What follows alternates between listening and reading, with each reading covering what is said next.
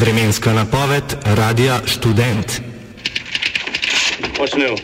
Mr. Power says he wants to see that foreign stuff as soon as it comes in. Let's get straight to our senior international correspondent. Who knows what's happening at the moment? We certainly don't. Nuclear standoff between India and Pakistan enters its 11,680th day. In Tehran shouting death to the Shah, pledge allegiance to the Islamic movement. Devet let po oranžni revoluciji v središču Kijeva spet plapolajo modro-rumene ukrajinske Bližnji vzhod je na pragu nove vojne. Let's get straight to our senior international correspondent. Who knows what's happening at the moment? We certainly don't. It's definitely a mix of celebration and protest going on here in Cairo today. prevzela določene obveznosti. Tega ja, tukaj v Bruku smo slišali kar nekaj.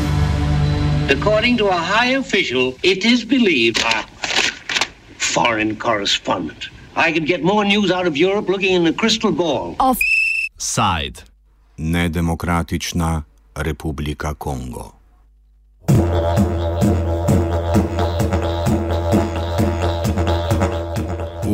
Demokratični republiki Kongo je trenutna politična situacija vse prej kot demokratična. Prejšnji teden so v prestolnici Kinshasa izbruhnili protesti proti predsedniku Josefu Kabili, saj volilna komisija do predvidenega roka ni razpisala predsedniških volitev. Kabila državo vodi od leta 2001, ko je nasledil v atentatu ubitega očeta. Na proteste sklicane strani vladne opozicije je vlada odgovorila s policijo, ki je protestnike skušala razgnati s streljanjem in aretacijami. Zažgani so, se pravičujem. Zažgani so bili tudi štabi treh opozicijskih strank, število smrtnih žrtev pa se giblje med 50 in 100. Več o dogajanju nam razloži Maurice Carney iz organizacije Friends of the Congo. Sure. Last week's protest on September 19th and 20th was organized and called for by the Congolese opposition. And the uh, reason why they called for the protest on September 19th is that Congo's constitution uh, says that elections uh, ought to be, um, the beginning of uh, organizing elections ought to be 90 days before the end of the president's term. The president's term ends on December 19th um, this year, so that's why the elections or the protests were called for on September 19th. And um, the primary rationale for the protest is that the current president, Joseph Kabila, he aims uh, to remain in power uh, by any means necessary, uh, even though the Constitution calls for him to, to step down. So the opposition forces and members of the youth and civil society uh, wanted to send him a message to let him know uh, that they're not going to stand by and let him uh, stay in power uh, against the will of the people and against the social contract that's been established via the Constitution. Kabilova vlada in volilna komisija trdita, da izvedba volitev pred zaključkom trenutnega predsednikovega mandata ni mogoča zaradi bojevanja z oporniki na vzhodu države in tehničnih težav, razloži Stephanie Waters iz Inštituta za varnostne študije v Južnoafriški republiki. What the government is saying is that um, there are technical reasons why the presidential elections that were due to be held at the end of the year um, cannot be held. And so uh, they're saying it's a technical problem. They're in the process of updating the voter registration lists. Um, and this is going to take until the middle of next year, and so therefore the elections have to be delayed. Um, the opposition point of view is that this delay was in fact orchestrated by Kabila and his government um, and that it's a, a, a, power grab that's disguising um, as a technical grab, a technical issue. Opozicija predsedniku Kabili poleg zahteve po predsednikovem odstopu nima jasnega programa, vprašljiva pa je tudi konsistentnost političnih prepričanj opozicijskih voditeljev. Eden izmed dveh najvidnejših Kabilovih nasprotnikov, Etienne Chisekedi, ki je kot opozicijski kandidat nastopil že na volitvah leta 2011, je nekdaj zasedal različna visoka mesta v vladi strani Združenih držav Amerike podprtega diktatorja Mobutoja Sese Sekoja. Drugi opozicijski prvak prvak, to je Mojis Katumbi, ki je eden najbogatejših kongovskih državljanov, pa je v preteklosti podpiral trenutnega predsednika. Več o tem, Karni.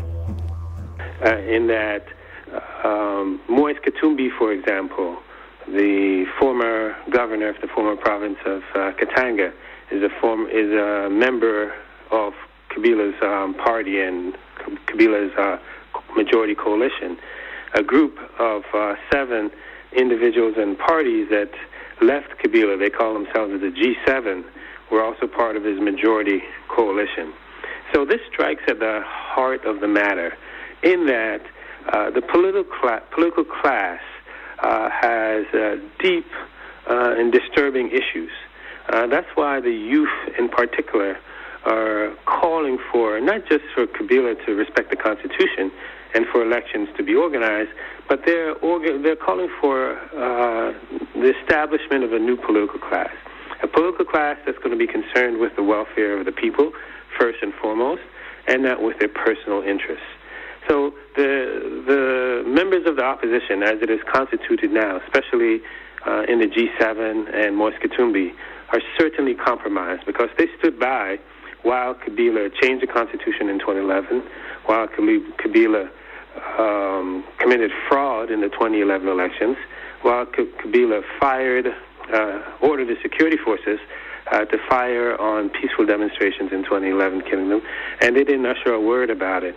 So these are some of the um, contradictions that exist in those uh, opposition members who have left the Kabila majority coalition and now part of the broader uh, opposition forces. So they def- they're definitely flawed, and uh, the youth and uh, good segment of the civil society are clear about that.